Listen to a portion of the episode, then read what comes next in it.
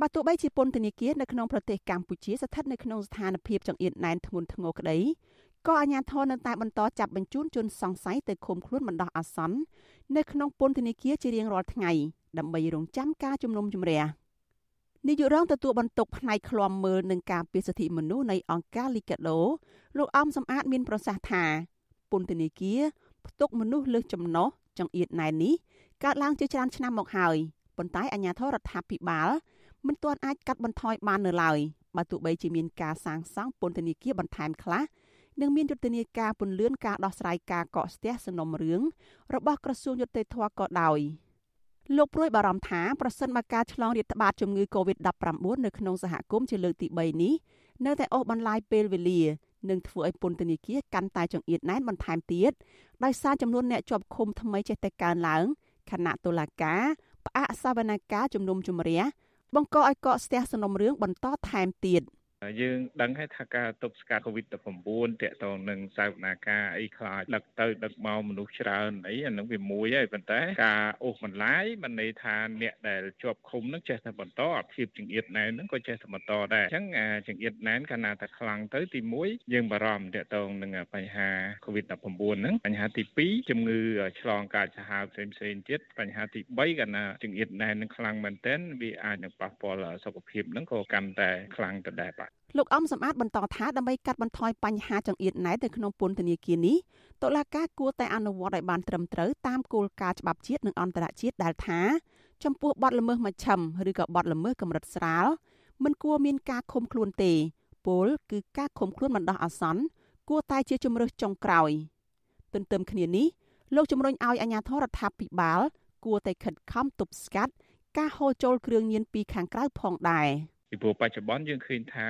អ្នកដែលឃុំខ្លួនបដោះសន្នរងចាំសវនាការនឹងវាច្រើនទៅតែ2ភាគ3ណាបញ្ហាមួយទៀតគឺយើងឃើញថាបាត់ល្មើសច្រើនដែលកើតឡើងហើយយើងឃើញថាជាពិសេសយុទ្ធនាការនៃការបង្ក្រាបនៃការទប់ស្កាត់គ្រឿងញៀនហ្នឹងក៏វាបង្កើននៃភាពចង្អៀតណែនក្នុងពន្ធនាគារដែរព្រោះបាត់ល្មើសហ្នឹងដូចជាច្រើនជាងគេទៅទៀតមួយទៀតគឺសវនាការបើសិនជាមានការពជាពេលឬក៏សវនាការដែលកាត់ទោសហ្នឹងយើងគួរតែពិនិត្យទៅលើទោសការងារសហគមន៍ទោសពាក់កណ្ដាលនៃទោសឬការព្យួរទោសអីជាដើមជាពិសេសអត្តភាពទៅលើស្រីដែលមានតិចពូស្រីដែលមានកូនតាមម្ដាយឬក៏អនិច្ចជនជាដើមណាអង្គការជាតិនិងអន្តរជាតិពិនិត្យឃើញថាមនុស្សជាច្រើនត្រូវបានតុលាការសម្រេចឃុំខ្លួនដោយគ្មានមូលដ្ឋានច្បាប់គ្រប់គ្រាន់នោះទេ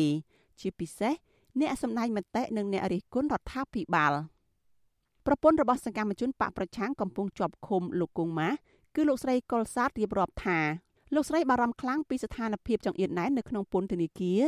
ដែលធ្វើឲ្យប្តីរបស់លោកស្រីពិបាករស់នៅ និងពិបាកដេកហើយធ្វើឲ្យប៉ះពាល់សុខភាពរបស់គាត់លោកស្រីយល់ថាប្រសិនបើប្រទេសកម្ពុជា មានប្រជាធិបតេយ្យពិតប្រាកដហើយមានតុលាការឯករាជ្យនោះគឺប្តីរបស់លោកស្រីប្រកាសជាមិនត្រូវបានចាប់ឃុំខ្លួនរហូតដល់ទៅ2ដងផ្ទួនផ្ទួនទាំងគ្មានកំហុសនោះទេ វាអយុត្តិធម៌សម្រាប់ប្តីខ្ញុំដោយសារតែគាត់ទៅតែរួចខ្លួនបានមកវិញហើយឥឡូវគេចាប់គាត់ទៀតទាំងដែលចាប់ហើយអត់បានថាស៊ើបសួរឬក៏ទុកនៅខាងក្រៅឬក៏បញ្ជាក់ថាគាត់ធ្វើអីខុសគឺអត់មានទេចាប់ឲ្យបញ្ជូនទៅនោះហ្មងហើយអញ្ចឹងសម្រាប់ខ្ញុំវាដូចជារឿងដដែលដដែលចាប់ចោលដាក់គុកអញ្ចឹងអញ្ចឹងសម្រាប់ខ្ញុំជាក្រុមគ្រួសារខ្ញុំលំបាកមកទល់ពេលនេះអាជ្ញាធររបបក្រុងភ្នំពេញបានចាប់ឃុំខ្លួនសកម្មជននយោបាយសកម្មជនសង្គមព្រះសង្ឃ និងយុវជនសរុបជិត80នាក់ហើយដាក់ក្នុងពន្ធនាគារហើយភ ieck ច្រើន កំពុងរងចាំការជំនុំជម្រះក្តីអ្នកនាំពាក្យអគ្គនាយកដ្ឋានពន្ធនាគារនៃក្រសួងមហាផ្ទៃលោកនុតសាវណ្ណាថ្លែងថាយុទ្ធនាការរបស់ក្រសួងយុតិធធបានរួមចំណែកកាត់បន្ថយភាពចង្អៀតណែននៅក្នុងពន្ធនាគារបានមួយកម្រិតតូច ហើយលោករំពឹងថាកម្មវិធីលើកលែងទោសនៅក្នុងពិធីបុណ្យជាតិសំខាន់សំខាន់អាចនឹងជួយកាត់បន្ថយភាពចង្អៀតណែនមួយកម្រិតទៀត។ ទោះជាយ៉ាងណាលោកក៏បារម្ភដែរថាព្រឹត្តិការណ៍សហគមន៍20កុម្ភៈនេះនឹងធ្វើឲ្យចំនួនអ្នកជាប់ឃុំកើនឡើងបន្ថែមទៀត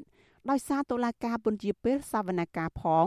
និងមានអ្នកជាប់ឃុំថ្មីជាបន្តបន្ទាប់ផង។ បារម្ភចេះតែបារម្ភហើយប៉ុន្តែយើងធ្វើមិនឥឡូវការងារដែលចាំបាច់បំផុតគឺការទប់ស្កាត់ការរាលដាលឆ្លងហើយបើយើងចេះតែគិតរឿងទៀមទាឡើងតឡាការទៀមទានំជំរះឲ្យបានឆាប់ពេកក្នុងកលៈទេសៈពេលនេះហើយចុះបើមានឆ្លងម្នាក់ពីរនាក់ចូលទៅពន្ធនាគារទៅអានឹងមិនខូចការធ្ងន់ហើយបាទអានឹងថាយើងមិនជំទាន់ជំរះហើយនឹងអ្នកចាស់នៅចាំអ្នកថ្មីចេះចូលអានឹងវាតែងតែណែនតាមហ្នឹងហើយ របាយការណ៍របស់អង្គការលីកាដូនិងអង្គការលើកលែងទោសអន្តរជាតិបង្ហាញថាចំនួនអ្នកជាប់ឃុំនៅពន្ធនាគារនៅកម្ពុជា មានជិត40000នាក់គិតត្រឹមខែមីនាឆ្នាំ2020ទោះបីជាពន្ធនាគារនៅកម្ពុជាត្រូវគេប៉ាន់ប្រមាណថាអាចផ្ទុកមនុស្សបានត្រឹមជាង20000នាក់ក៏ដោយ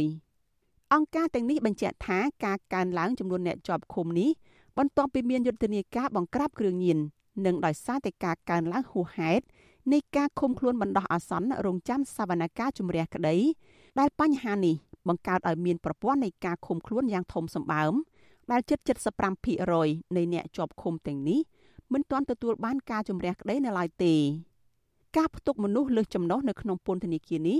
បានធ្វើឲ្យអ្នកជាប់ឃុំរស់នៅទាំងលំបាកលំបិនខ្វះអនាម័យប៉ះពាល់សុខភាពផ្លូវកាយនិងផ្លូវចិត្ត